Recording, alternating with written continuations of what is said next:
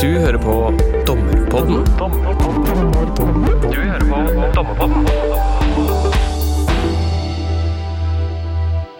En stor del av domstolenes virksomhet består i å overprøve mange av de ulike vedtakene forvaltningen treffer. Dette er alt fra skatte- og avgiftsvedtak til avgjørelser i plan- og bygningssaker, utlendingssaker og mer eksotiske vedtak, som f.eks. avliving av hund. Hvordan domstolsprøvingen skal skje, er utvikla og presisert gjennom rettspraksis.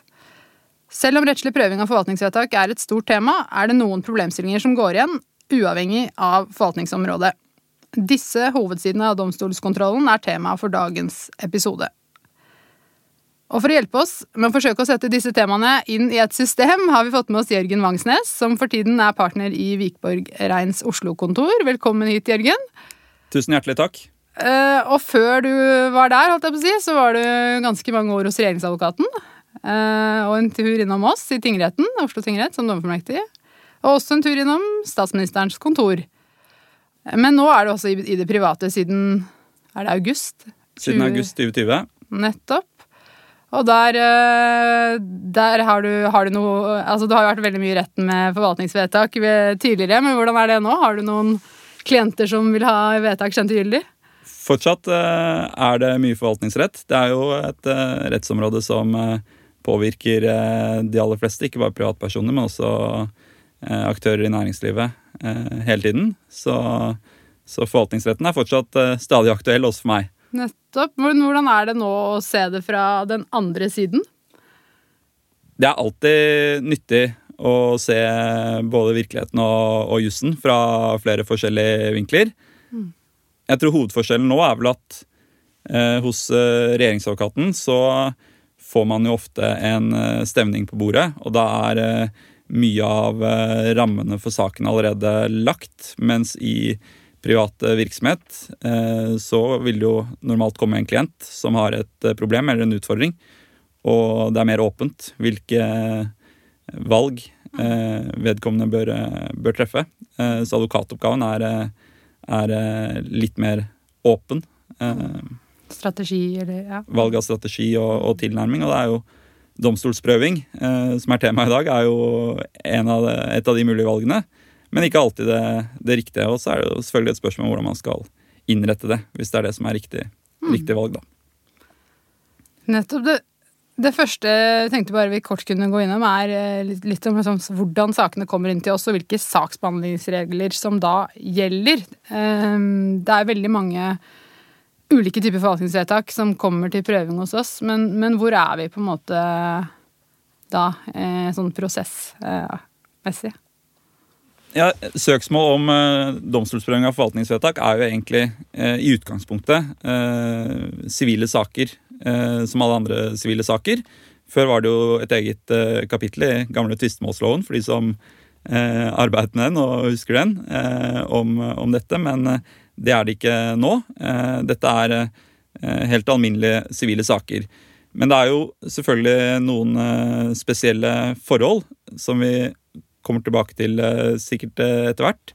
Nemlig at domstolene her må ta spesielt hensyn til at det er en tredeling mellom statsmaktene som gjør at det er en, lang rettspraksis da, for at, for at domstolenes kontroll med, med forvaltningsvedtak er en etterfølgende gyldighetskontroll. Eh, at eh, at eh, domstolene så å si ikke skal gjøre forvaltningens jobb. Og, og det har noen føringer også for hvordan man anvender prosessreglene. Eksempel, og særlig kanskje tvisteloven 1.3, da, altså de grunnleggende kravene til hva slags type saker som kan reises for domstolene. Men bortsett fra det, så er, eh, så er dette i, i det store og, og hele eh, sivile saker sånn som alle andre eh, saker. Så er det noen eh, spesielle eh, nyanser man kan være oppmerksom på. Eh, når eh, en forvaltningssak bringes inn for eh, domstolene, så gjelder jo tvisteloven og, og tvistelovens regler. Det har bl.a. betydning for, eh, for reglene om eh, dokumentinnsyn. Eh, Etter forvaltningsloven og offentliglova så er det begrenset hvilke dokumenter man kan eh, få innsyn i. Mens eh, dette styres av andre regelsett da, når det er en sivil sak. eh, Det tror jeg ikke det er så mange som tenker på. Nei, det, det kan nok hende. For det er veldig gode grunner som tilsier at man, man ikke har innsyn i interne dokumenter. Eller at man kan nekte innsyn da, interne forvaltningsdokumenter i en, eh, i en forvaltningssak. Men for, eh, for domstolene så styres dette av relevanskriteriet da, i, i tvisteloven eh, kapittel 21. Altså at man i utgangspunktet kan be om å få fremlagt alt som er relevant for saken. Mm, også det- interne dokumenter. Og det Mm. kan etter omstendighetene også være interne dokumenter. Um, så det er et eksempel på at, uh, på at uh, tvistelovens regler da kan gi et litt annet utfall, uh, eller gi litt andre virkemidler enn det man har på forvaltningsstadiet. Da. Når vi snakker om det, når, hvordan sakene kommer inn, altså hvem er det som Før vi går liksom løs på det, de hovedtemaene vi tenkte, jeg tenkte å snakke om, er, hvem er det som kan bringe saker inn for domstolene? For å få altså, Mm. Ja. skjønt vedtak gyldig. Mm. Det er jo de vanlige tilknytningskriteriene eller det vanlige tilknytningskriteriet i, i tvisteloven 1-3 eh, som gjelder, eller av og til da 1-4 når man har med organisasjoner å, eh, å gjøre. Eh, og eh, i, eh, når det gjelder dette temaet her, så er de grensene for alle praktiske formål eh, de samme som, som for rettslig klageinteresse da, etter forvaltningsloven. Eh, slik at de som i, i tilstrekkelig grad blir berørt av vedtaket, de kan bringe det inn for domstolene. Det kan f.eks. være en, eh, en eh, nabo i en, eh, i en byggesak. Og så er det noen, som alltid, noen unntak og noen begrensninger her også. Og det er jo mm, tradisjonelt da for de strengt personlige vedtakene eh, som man eh, har, har antatt da, at det bare er den vedtaket direkte gjelder, som kan, kan bringe inn for domstolene. F.eks. noen type utlendingsvedtak. Da. Ja.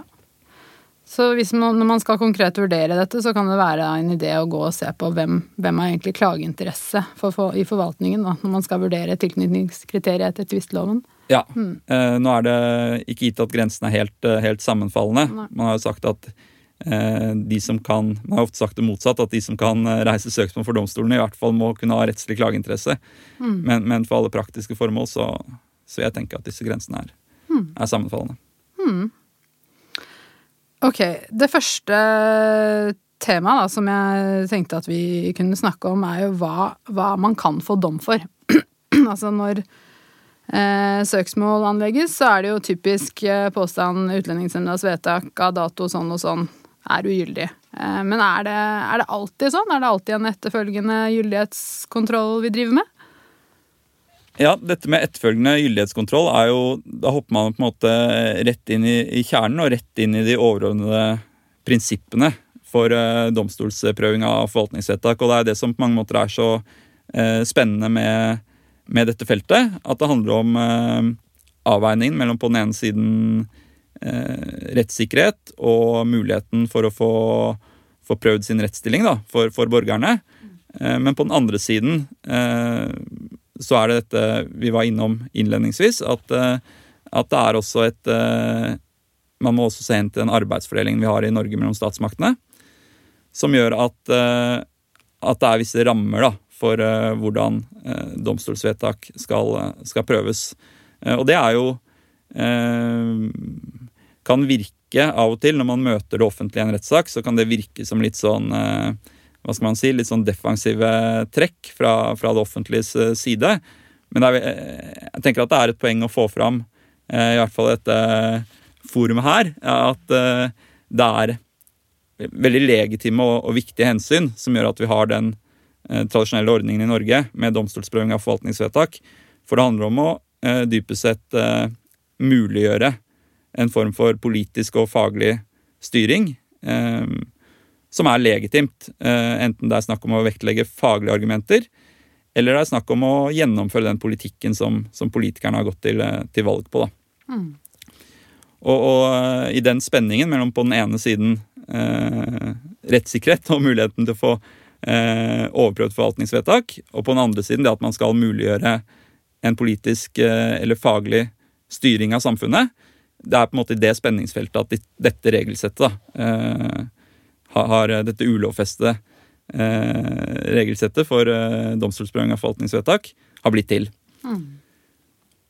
Og det var et langt, eh, langt svar på egentlig et uh, kort spørsmål. Ja, men jeg Eh, tenker Det er veldig viktig, det er veldig grunnleggende. Det er ikke alltid man tenker på det når man får inn en stevning ikke sant? og sitter og sier ja, nå skal jeg prøve dette vedtaket. Hvor, hvor grunnleggende det er, den der funksjonsdelingen mellom statsmaktene, og hva, det, hva, er det vi, hva er det dette egentlig handler om? ikke sant? Det er, jeg syns det var fint ja, å si litt om det. Ja. Men uh, ja, vi snakket om hva, dette med hva man får dom for. Ja, det var der vi var. Mm. Ja, og, og det, var det, det var det korte spørsmålet. Det korte svaret er jo egentlig at normalt så er det gyldigheten av, av et eh, enkeltvedtak da, som man må reise søksmål om.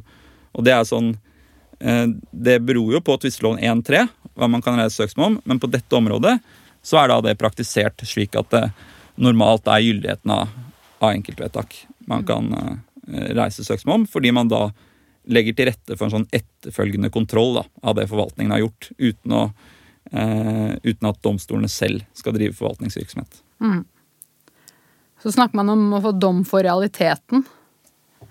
Er det noe vi noen gang driver med? Ja, det er jo et, eh, et eh, spørsmål som dukker opp fra tid til annen. eh, For det er lett å tenke at man bare kan legge ned påstand om det utfallet man ønsker. Altså ikke bare at vedtaket er ugyldig, men også f.eks. at man har krav på en tillatelse eller krav på 100% uføretrygd eller, eller tilsvarende. Eh, Og der er det en ganske fast praksis på at det kan man ikke få dom for. Eh, Det er jo Det, det startet jo da med, med en sånn uføretrygdkjennelse fra 2001. Rettstidene 2001-995. Eh, som er på en måte alle avgjør, avgjørelsesmor på dette, på dette feltet. altså. Eh, og som trekker opp disse prinsipielle linjene som vi nå har vært innom. Og etter det så har det egentlig ligget ganske fast. Eh, etter et par prinsipielle angrep i, i rettspraksis på, på det spørsmålet, så er det, ligger det fortsatt fast at man da ikke kan, eh, som en helt klar hovedregel, få, få slik realitetsdom. Og, og da er det faktisk en avvisningsgrunn. Og det kan man eh, stille spørsmål ved, eh, om det er fornuftig eller ikke. Men, men sånn som Høyesterett har, har utlagt jussen her, så er dette en avvisningsgrunn hvis man legger ned påstand om, Mm, om realitetsdom. Nettopp. Så vi må nøye oss med å kjenne vedtaket gyldig, stort sett, i hvert fall, eh, som den klare hovedregelen. Men hvordan er dette med mm, eh, Hvis man f.eks. ber om å få fastsettelsesdom for krenkelse av EMK da, oppi dette, det ser vi jo ganske ofte at det bes om i tillegg til ugyldighetspåstand. Absolutt. Er det adgang til det, eller hvordan er det? Ja, Det er jo også et eh, etter hvert et eh, klassisk eh, spørsmål, eh, som særlig har blitt aktuelt på, på utlendingsfeltet kanskje de siste eh, ti årene. Eh, og det har vært forskjellig praksis på dette området. Det tror jeg helt klart man kan si. Eh, bakgrunnen her er jo at EMK i artikkel 13 eh, stiller krav til et effektivt rettsmiddel. Altså at man må få prøvd om konvensjonen er brutt. Eh, og det var jo bakgrunnen for at eh, lovgiver, da tvisteloven ble vedtatt, sa at man må i hvert fall få kunne få fastsettelsesdom for eh, spørsmål om forhold til EMK, eh, altså om EMK er brutt eller ikke. Eh, man må kunne få særskilt eh, dom for det spørsmålet når forholdet til konvensjonen ikke kan prøves på annen måte. Og det tror jeg alle er enige om eh, i dag, at hvis man ikke får prøvd forholdet til konvensjonen på noen annen måte, f.eks. fordi det ikke er noe enkeltvedtak å få prøvd gyldigheten av, så må man kunne be om fastsettelsesdom for, eh, for at konvensjonen er brutt. Men så er jo spørsmålet eh, I de tilfellene hvor man kan få prøvd forhold til konvensjonen på en annen måte, om man da også kan få fastsettelsesdom for, for eh, konvensjonsbrudd.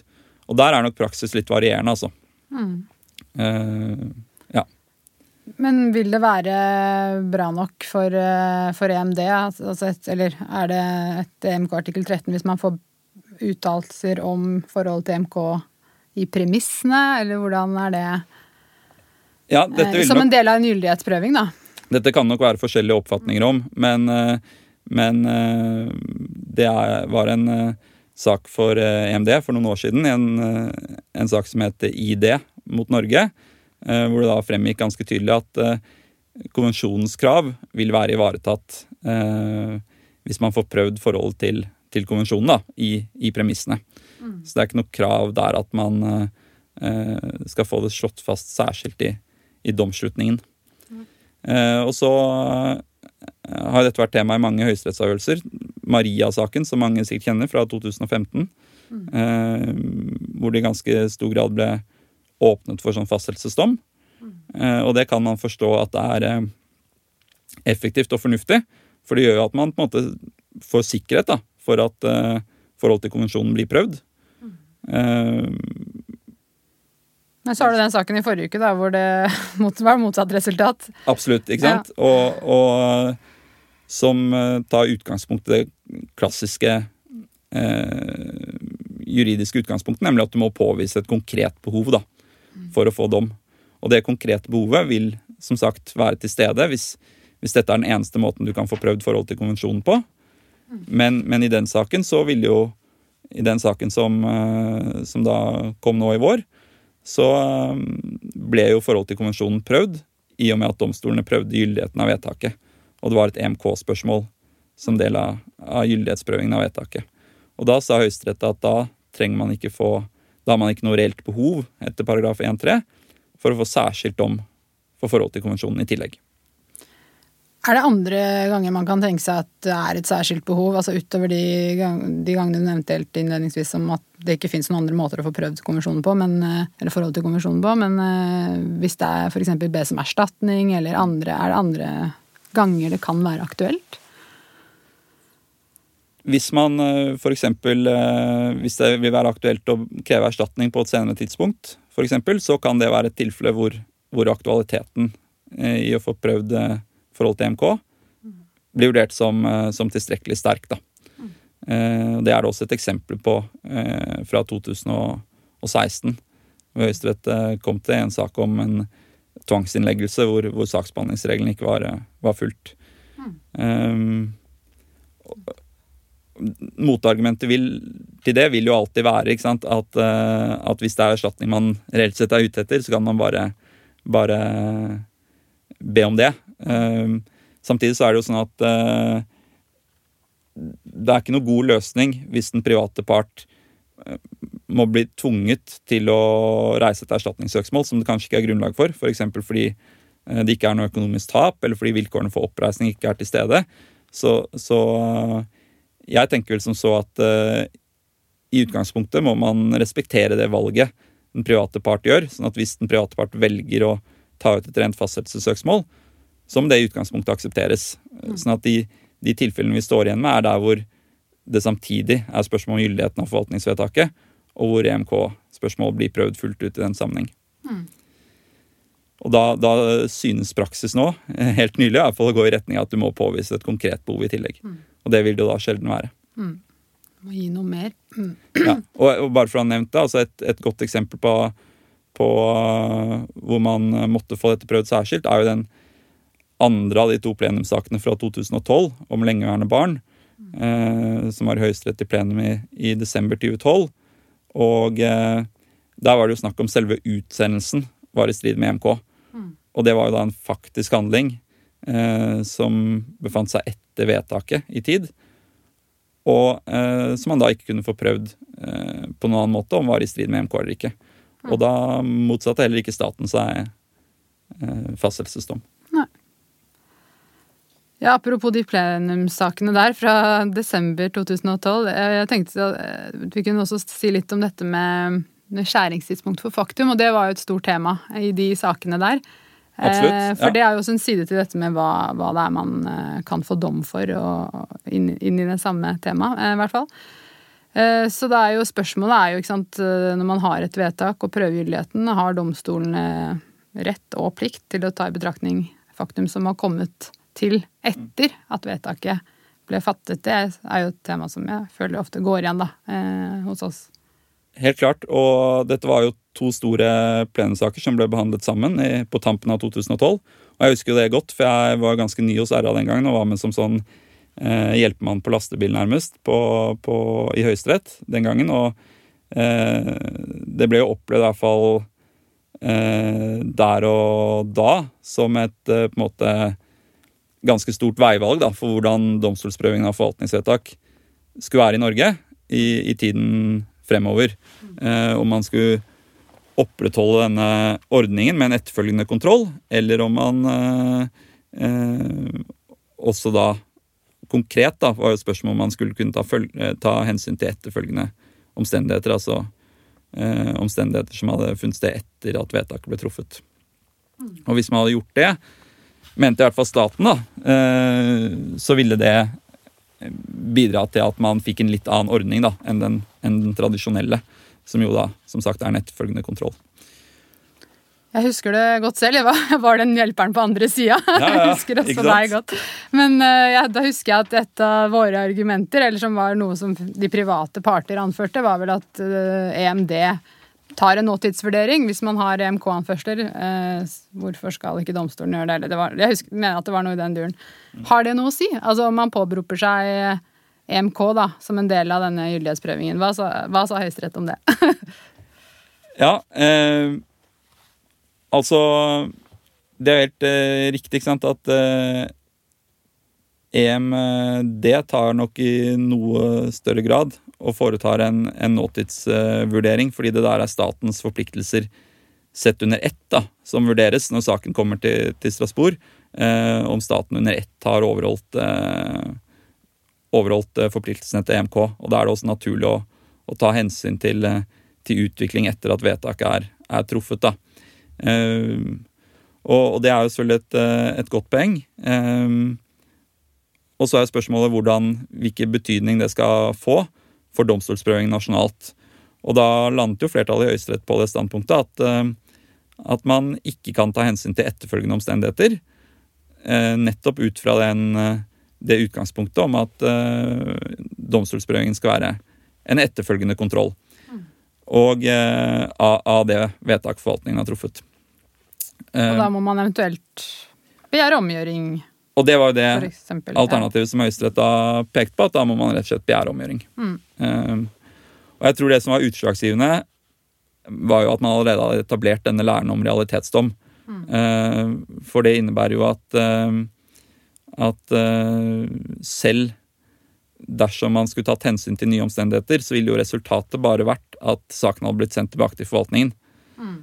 Så man hadde sånn sett ikke kommet noe Lenger. så langt videre eh, ved det. Eh, så derfor er ordningen den at man for å bringe nye omstendigheter inn i, inn i saken, så må man begjære omgjøring overfor forvaltningen. Og i hvert fall når det gjelder spørsmål om EMK-brudd, så har da forvaltningen i vid utstrekning en, en plikt til å behandle de eh, Ikke bare behandle, men også realitetsbehandle de, de omgjøringsbegjæringene. Eh, så kan man eventuelt eh, trekke den beslutningen om ikke å omgjøre, kan man da eventuelt trekke inn i saken. Mm. Og på nærmere vilkår så må man det også. Ja, nettopp. Det hadde jeg tenkt å spørre om litt sånn seinere, men vi kan jo ta det med en gang. Altså dette med, det skjer jo at det kommer vedtak underveis eh, når saken ligger for domstolene. Så Ja. fattes det et nytt vedtak i den samme saken. Mm. hva, hva skjer da, eller hva, hvordan stiller det seg? Da er man jo igjen egentlig i tvisteloven paragraf 1-3, og hva man kan få, få dom for. Eh, og da har eh, eh, praksis i Norge lagt seg på den linjen at det i utgangspunktet er det siste vedtaket, eller den siste beslutningen, da, som må gjøres til søksmålsgjenstand. Så det innebærer at hvis man har f.eks. et avslag, og så begjærer man omgjøring av det avslaget, og får en omgjøringsnektelse, så må den nektelsen trekkes inn i, i saken. Og det er fordi det da er den som eh, som på et mest mulig oppdatert grunnlag regulerer rettsstillingen til parten. da. Og det, det Hva er jo skjer hvis du ikke gjør det? Hvis du ikke trekker det nye vedtaket eller nye beslutningen inn? Ja, Da bortfaller i utgangspunktet den rettslige interessen da, etter paragraf 1-3, sånn at saken blir hevet. Så man er på mange måter tvunget da, til å, til å eh, trekke inn den nye, nye beslutningen. Og det er jo for å legge til rette da, for at også domstolsprøvingen skal bli en mest mulig effektiv prøving basert på et oppdatert faktum. Eh, og det kan jo virke som en eh, felle i noen tilfeller, men Eh, av og til eh, når eh, forvaltningen står i en rettssak og, og blir begjært omgjøring, så eh, benytter man jo da anledningen til å skrive en så god, god begrunnelse som mulig. Så det kan jo ofte hende at da den siste beslutningen er bedre begrunnet enn den, den, eh, det opprinnelige vedtaket. Ja, De kan vel strengt tatt også eh, vurdere omgjøring på eget initiativ, og sånn sett eh, tilpasse begrunnelsen, hvis jeg skal si det. Ja, det for det. Det er, ikke, det- er jo feil å kalle det tilpasse begrunnelsen, men uh, du skjønner hva jeg mener. Man kan jo egentlig det, Ja, ja. i teorien, da. Ja. Eh, og hva hvis man gjør det mellom tingrett og lagmannsrett? Får man da en uh, toinstansbehandling av det, den siste beslutningen? Altså Det er jo noen sånne spørsmål som Absolutt, og det er jo på en måte det, et stort motargument mot den løsningen man, man da har, eh, har valgt, eh, nemlig at det siste, siste beslutningen må trekkes inn i saken. For det kan jo innebære da at man ikke får en, en reell eh, toinstansprøving da, av det, det nye faktumet. Og det er, ja, det er bare sånn det er. Man kan ikke få i, i pose og sekk alltid. Så, så skal man på en måte ha en effektiv domstolsprøving av, av, på et oppdatert faktum, så må man trekke inn det siste, siste beslutning. Nå, det, nå gjelder ikke det helt unntaksfritt. Altså For det første så eh, kan man se for seg tilfeller hvor domstols, saken for domstolen har kommet veldig langt. Eh, og da, eh, når den eh, rettslige interessen, aktualiteten i søksmålet, forelå opprinnelig, så er det i seg selv et argument for at aktualiteten ikke eh, bortfaller underveis. Eh, så man kan da se for seg at det fortsatt foreligger tilstrekkelig aktuell interesse i å, i å få prøvd det opprinnelige vedtaket, selv om det er erstatta et nytt vedtak. Og så er det jo de tilfellene hvor, hvor det opprinnelige vedtaket er inngripende. Eh, da vil det antageligvis uansett være eh, tilstrekkelig aktualitet i å få det prøvd. Eh, altså få det kjent ugyldig også senere. Eh, ja, så det, dette blir nokså Det blir jo nokså teknisk, men det er en grunn til at reglene er som de er, da. Og det er for å få prøvd saken på et oppdatert faktum. Ja, altså litt tilbake til det med, med faktum. Ja, vi, vi hoppet litt over, med, over det med Altså de, de asylbarnsakene, hvis jeg skal kalle det de fra 2012. Der snakker man jo om noe fakta som man kan ta med videre, eller som man kan vurdere. Og så er det noe fakta man må holde utenfor. Og så snakker man om bevisfakta og rettsfakta som to ulike typer nytt faktum. Ja, ja. Eh, Kan du bare forklare oss hva, hva er dette her for noe? Ja.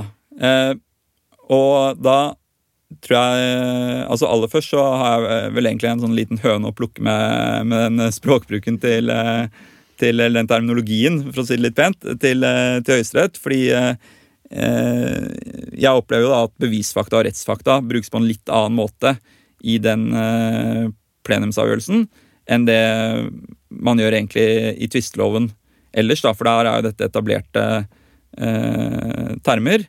Hvor eh, sant, rettsfakta er typisk at gjelden er betalt, mens bevisfakta er at det foreligger en kvittering.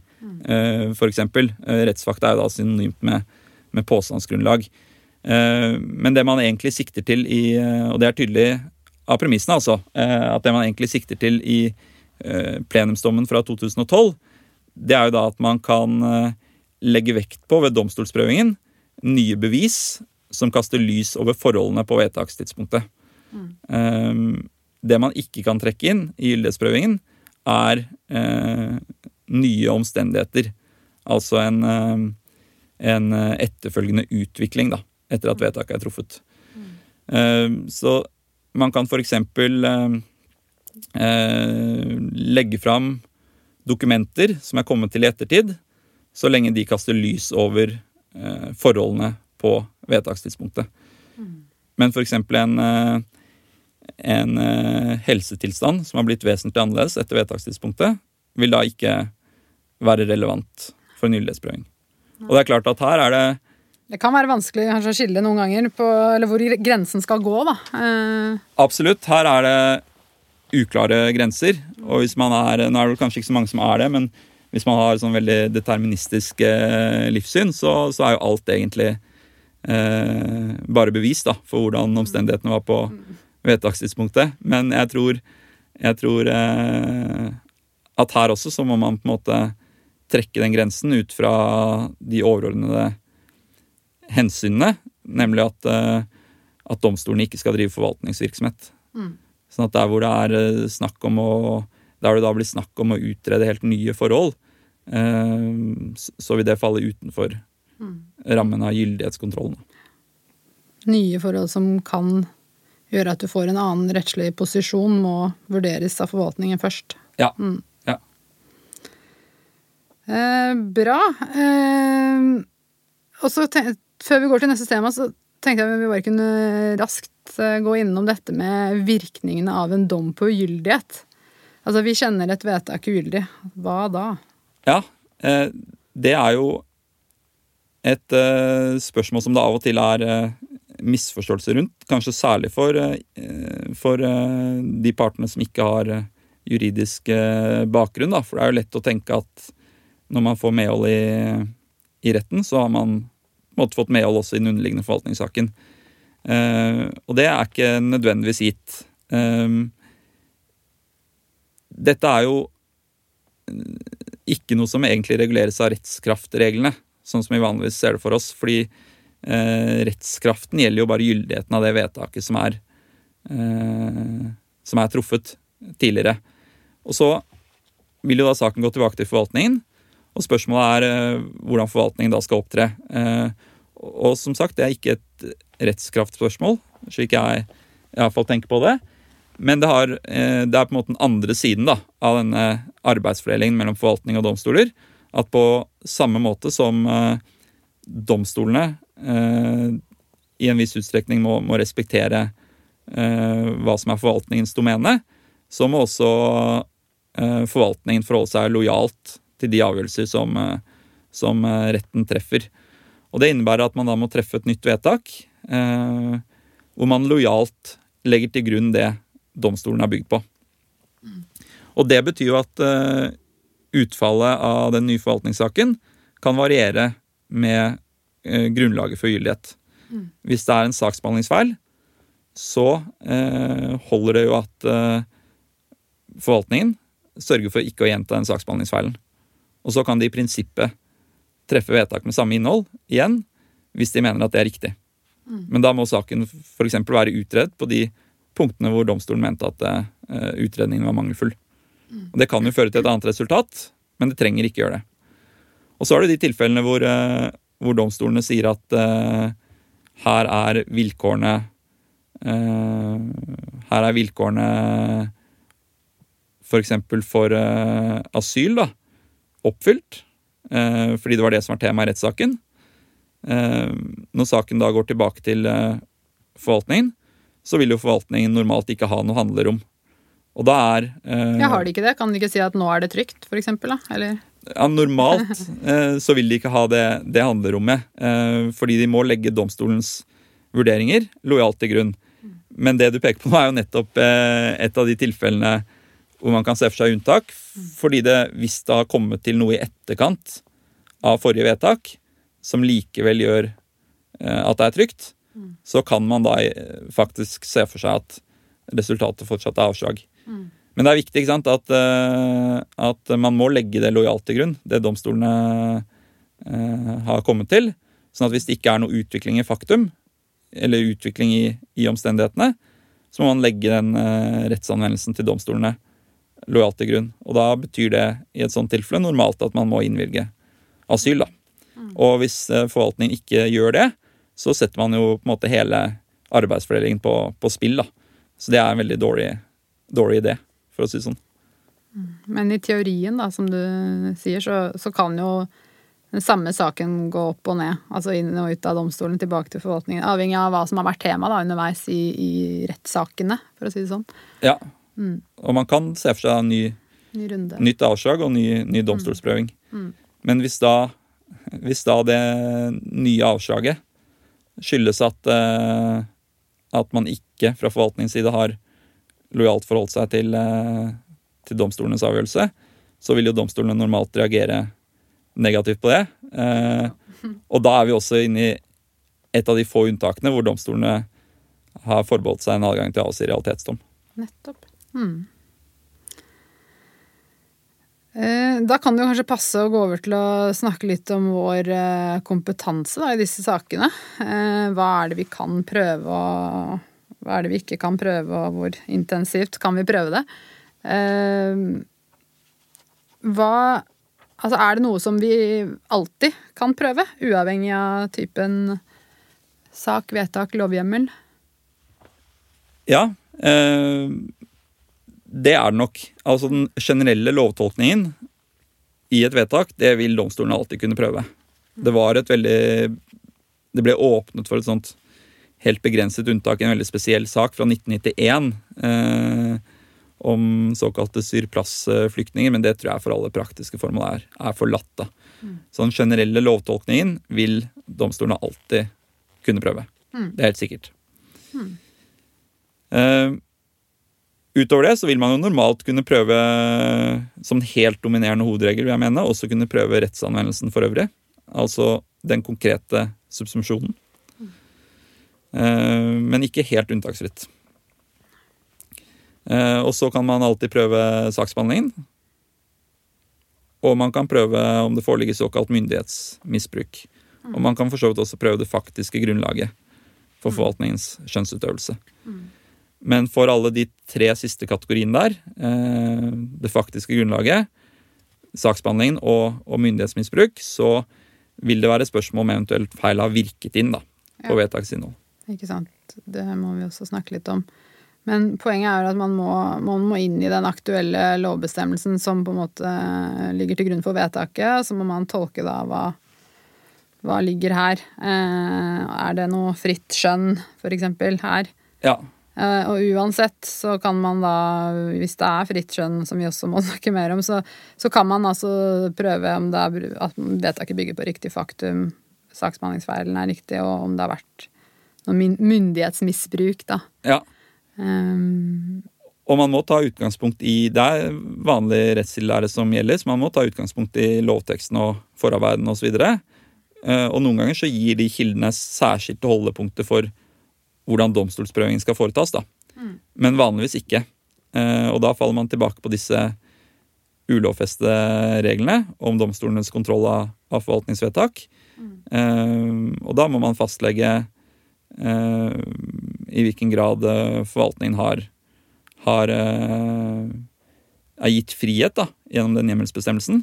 Eh, og da overprøver jo ikke domstolene det. Og så må man for det andre se om eh, det er slik at, at selv dersom det foreligger rettsanvendelse, altså at det er vilkår som må være til stede for at forvaltningen skal kunne treffe vedtak, eh, selv i de tilfellene hvor det er vilkår, så kan det unntaksvis tenkes at, eh, at domstolskontrollen er begrenset. da. Så dette er nokså det nokså nok avansert, er det. ja, man må tolke eller inn, in, konkret, for det er vanskelig å si hvordan det alltid Det er ikke mulig da, å si hvordan det er i alle saker, så jeg skjønner det. Men eh, man må inn og tolke lovbestemmelsen, eller hjemmelsbestemmelsen, rett og slett. Um. Men han snakker også no, uh, ofte om tilbakeholdenhet. Altså at domstolene skal utvise Eller vike tilbake, da. Uh, hva er det for noe i denne sammenheng? Er det Ja, det, er mellom, det er det som ofte omtales som en mellomkategori. Uh, fordi man har jo de, som sagt, de klare kategoriene av tilfeller som, som domstolene ikke prøver. Og, og det klareste er jo kanskje, bare for å ha sagt det, ikke sant? det eksempelet som de fleste kjenner, er jo det såkalte kan-skjønnet. ikke sant? Eh, der hvor loven benytter uttrykksmåten 'kan', så er det ofte at forvaltningen kan treffe vedtak sånn og sånn, så er det ofte eh, indikerer det ofte at forvaltningen har gitt en, en valgfrihet med hensyn, til om forvalt, eh, med hensyn til om vedtak skal treffes eller ikke. Og da vil det være et såkalt fritt skjønn, da. Eh, altså noe domstolene ikke overprøver utover visse, visse rammer, visse skranker for det skjønnet. Men så kan man se for seg tilfeller hvor, eh, eh, hvor eh, domstolen i prinsippet overprøver vurderingen, men hvor man likevel gir uttrykk for en viss tilbakeholdenhet. Og det er en sånn mellomløsning som eh, er lagt til grunn i, i flere avgjørelser. Den første opphavet til denne doktrinen var en sånn eh, patentsak fra, fra 1975. eh, Den såkalte Swingball-saken. Det er sånn, eh, for de som husker det eh, så eh, Jeg husker i hvert fall det. Fra da jeg var eh, ung, så var det sånn, eh, i skolegården så var det en sånn stang med en tennisball eh, på en snor. Som man kunne slå, slå rundt og rundt eh, mot hverandre. Og det er da, etter hva jeg har skjønt, eh, swingball-konseptet. og det var spørsmål om det var eh, verdig patent, da.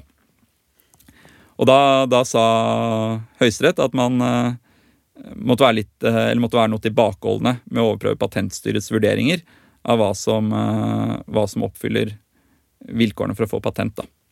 For det var etter ordlyden eh, så var det ikke rom for å innfortolke noe sånn frihet. Og, og, det er kanskje i de tilfellene der at den tilbakeholdenheten særlig kommer på spissen.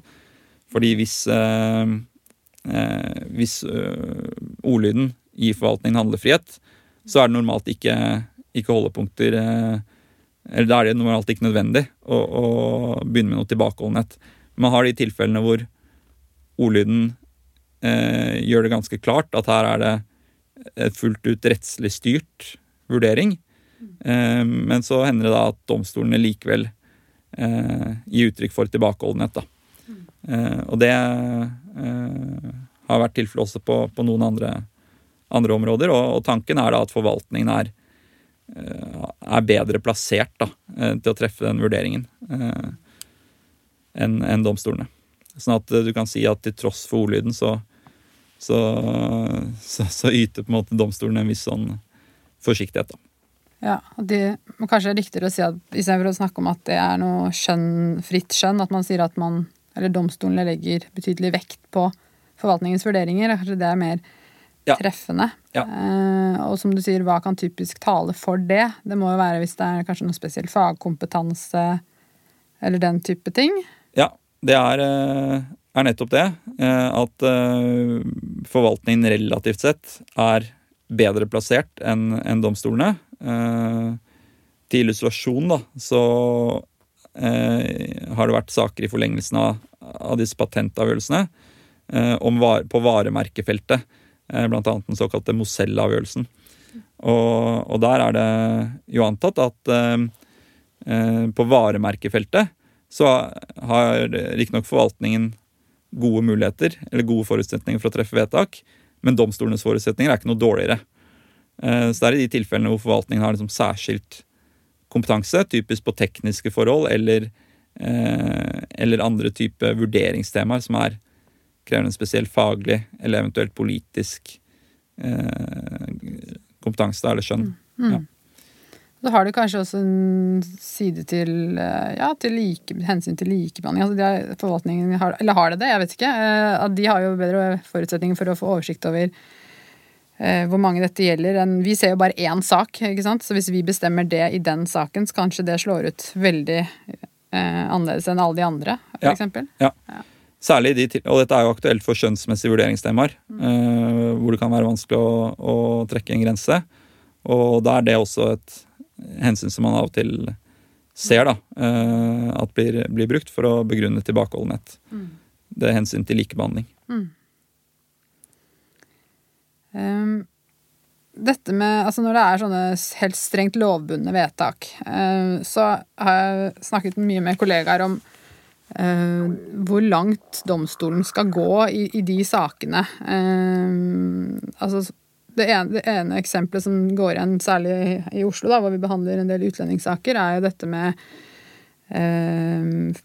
med asyl. Altså hvis, hvis, det er sånn at eh, det og det vedtaket, altså faktum for, som lå til grunn for det vedtaket, er feil, eh, så, så, sier kanskje staten også at da må saken tilbake, eller da er ikke um, Da er vedtaket ugyldig, da. Mens advokaten til utlendingen sier kanskje at ja, men domstolen har full kompetanse her, for dette er et rettsanvendelsesskjønn, domstolen kan prøve det fullt ut, og må prøve om vilkårene for asyl er oppfylt. Og så sitter vi der og tenker også at kanskje vi også må vurdere hvis det er feil faktum, har det virket inn? Hvis ikke er jo vedtaket fortsatt gyldig. Og så mm. sitter man og lurer på hvor langt skal man gå, hvor langt bør man gå, må vi gå, osv. Mm. Uh, jeg vet ikke om du har noen erfaring med det, men eh, du har helt sikkert noen ja, tanker om det. dette er jo, Jeg har også hatt eh, min, min andel av utlendingssaker, og dette er jo en helt klassisk mm. problemstilling. Uh, helt klart. Og uh, grunnen til at man da ofte som privat part likevel ønsker en mer inngående prøving, er jo nettopp av den eh, de hensynene vi snakket om i, i stad, nemlig at eh, hvis man da får en full prøving av selve subsumpsjonen, eh, så vil jo det da legge mye strengere føringer for utlendingsforvaltningens nye, nye vurdering. da. Og Det er grunnen til at man ofte ønsker det fra den private parts side. Med, med, med, god grunn, ikke sant? for å få raskere få hele saken avklart. da. Eh, jeg tenker vel at eh, Og dette spørsmålet, og de, eller de spørsmålene som du stiller nå, har vel ikke noe sånn helt autorativ avklaring, tror jeg. Jeg har vel for min del tenkt at hvis, hvis staten, eller kommunen, eller hva det er, da, i et slikt tilfelle mener at feil faktum fører til tydelighet, så kan man raskt være i en situasjon hvor, vi, eh, hvor det prosessuelt kan binde retten. da. Mm. Eh, slik at Etter tvisteloven? Ja. Mm. Ikke sant? Etter eh, 11.2 i, i tvisteloven. Mm. Eh, sånn at av den grunn eh, må avsies dom på, på gyldighet. Eh, mm. hvis, hvis, retten kommer til at faktum er, er feil. da. Mm. og så kan Man kan snu på det også ikke sant, og si at Uh, og Det er kanskje vel så vanlig ikke sant? At, at, retten kommer til at faktum er feil, men, men uh, det offentlige da, mener at vedtaket likevel er gyldig. Uh, kanskje med en annen, med noe annen begrunnelse.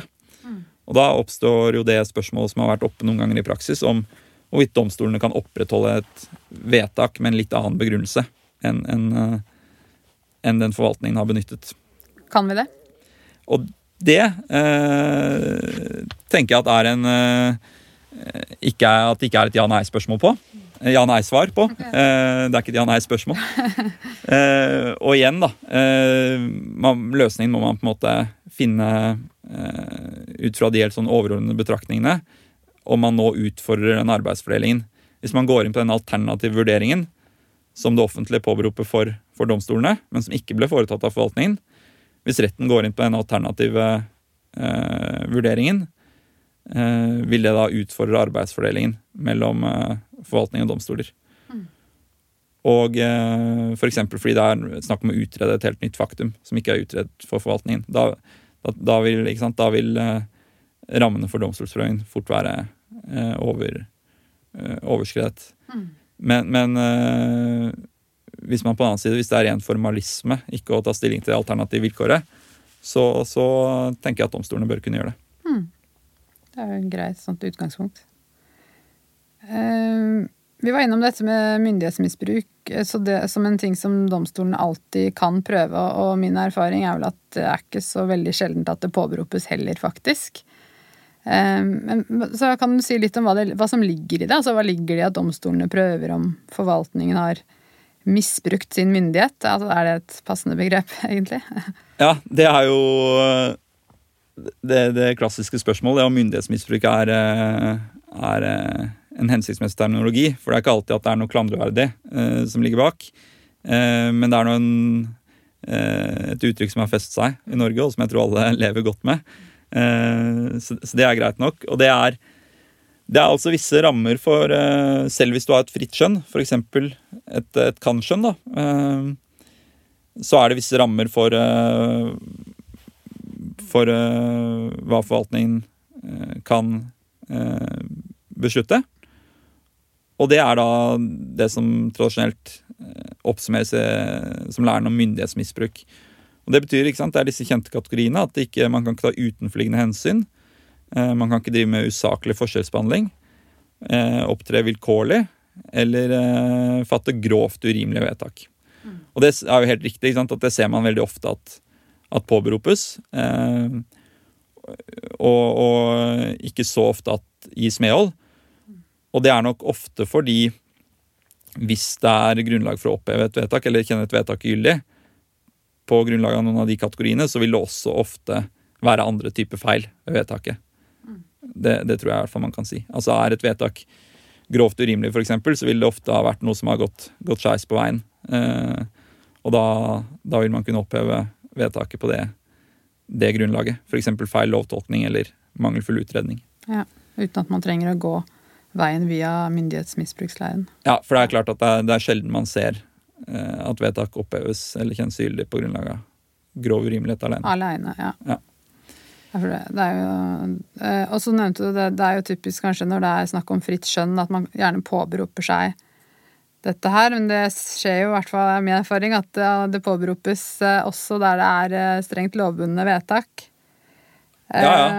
Er det noe Er det, er det fornuftig? Ja. er, det, det er jo det noen plass, for å si det sånn? Det er jo et uh, takknemlig oppspill, fordi det er en kjepphest for meg. Og her kommer det sikkert eh, tydelig fram hvis de ikke har gjort det allerede, at jeg har jobbet eh, mange år i, i det offentlige. Men, men eh, det er et spørsmål om det har noe Altså hvordan det henger sammen, da. Det tror jeg helt klart man kan si. For da ser man typisk for seg en situasjon hvor det er et strengt lovbundet vedtak, ikke sant? hvor resultatet av forvaltningssaken strengt tatt skal følge av loven. Eh, og så påberopes det likevel usaklig forskjellsbehandling. Eh, og det har eh, Høyesterett sagt at det er det rom for i, i en Hours fra 2007 eh, som gjaldt eh, Kverner. Eh, og som ble fulgt opp i en, en sånn kuskesak da, eh, fra, som er et, et par år gammel, om merverdiavgift. Eh, et av de mange eksotiske områdene man, man kommer borti, nemlig eh, sånn inntekt, altså inntekt for travkusker. Da. Og om det var avgiftspliktig omsetning. Eh, og da sa Opprettholdt Høyesterett for så vidt det standpunktet fra 2007, men kanskje med noe mer, mer forsiktig mm, tilnærming. Da. Og det standpunktet var at selv for, for strengt eh, lovbundne vedtak, så eh, kan man se for seg usaklig forskjellsbehandling, som var tema i de sakene. Men hvordan kan man det? Altså For meg er det litt sånn, er ikke svaret da Altså Det er enten riktig eller galt, hvis du skjønner. Hvis domstolen foretar en full prøving og kommer til at eh, det er riktig eller galt.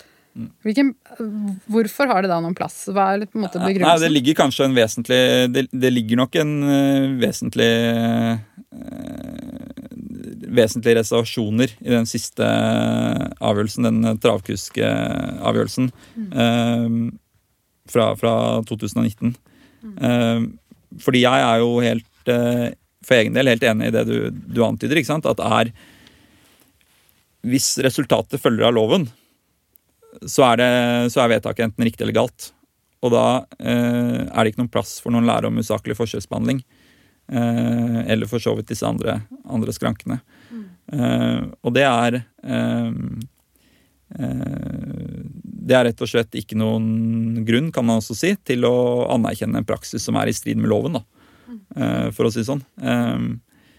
En annen sak er jo at, og som gjør dette litt sånn teoretisk, er jo at ofte så vil jo forvaltningspraksis ha rettskildemessig vekt når man, eh, som en av flere rettskildefaktorer, når man tolker loven, også for strengt lovbundne vedtak. Så det kommer jo inn der ikke sant, hvordan, hvordan forvaltningens praksis har vært. Eh, men da er, da, er, eh, da er det på en litt annen måte. Og, og prinsippene for relevans og vekt og sånn er, er litt andre da, enn en den normen som gjelder for usaklig forskjellsbehandling. Eh, og eh, Jeg tror jeg må lese den 2019-avgjørelsen eh, ja, ja. etterpå. Ja. Eh, det er, og det er også skrevet en artikkel om dette i etterkant av, av Marius Stubb.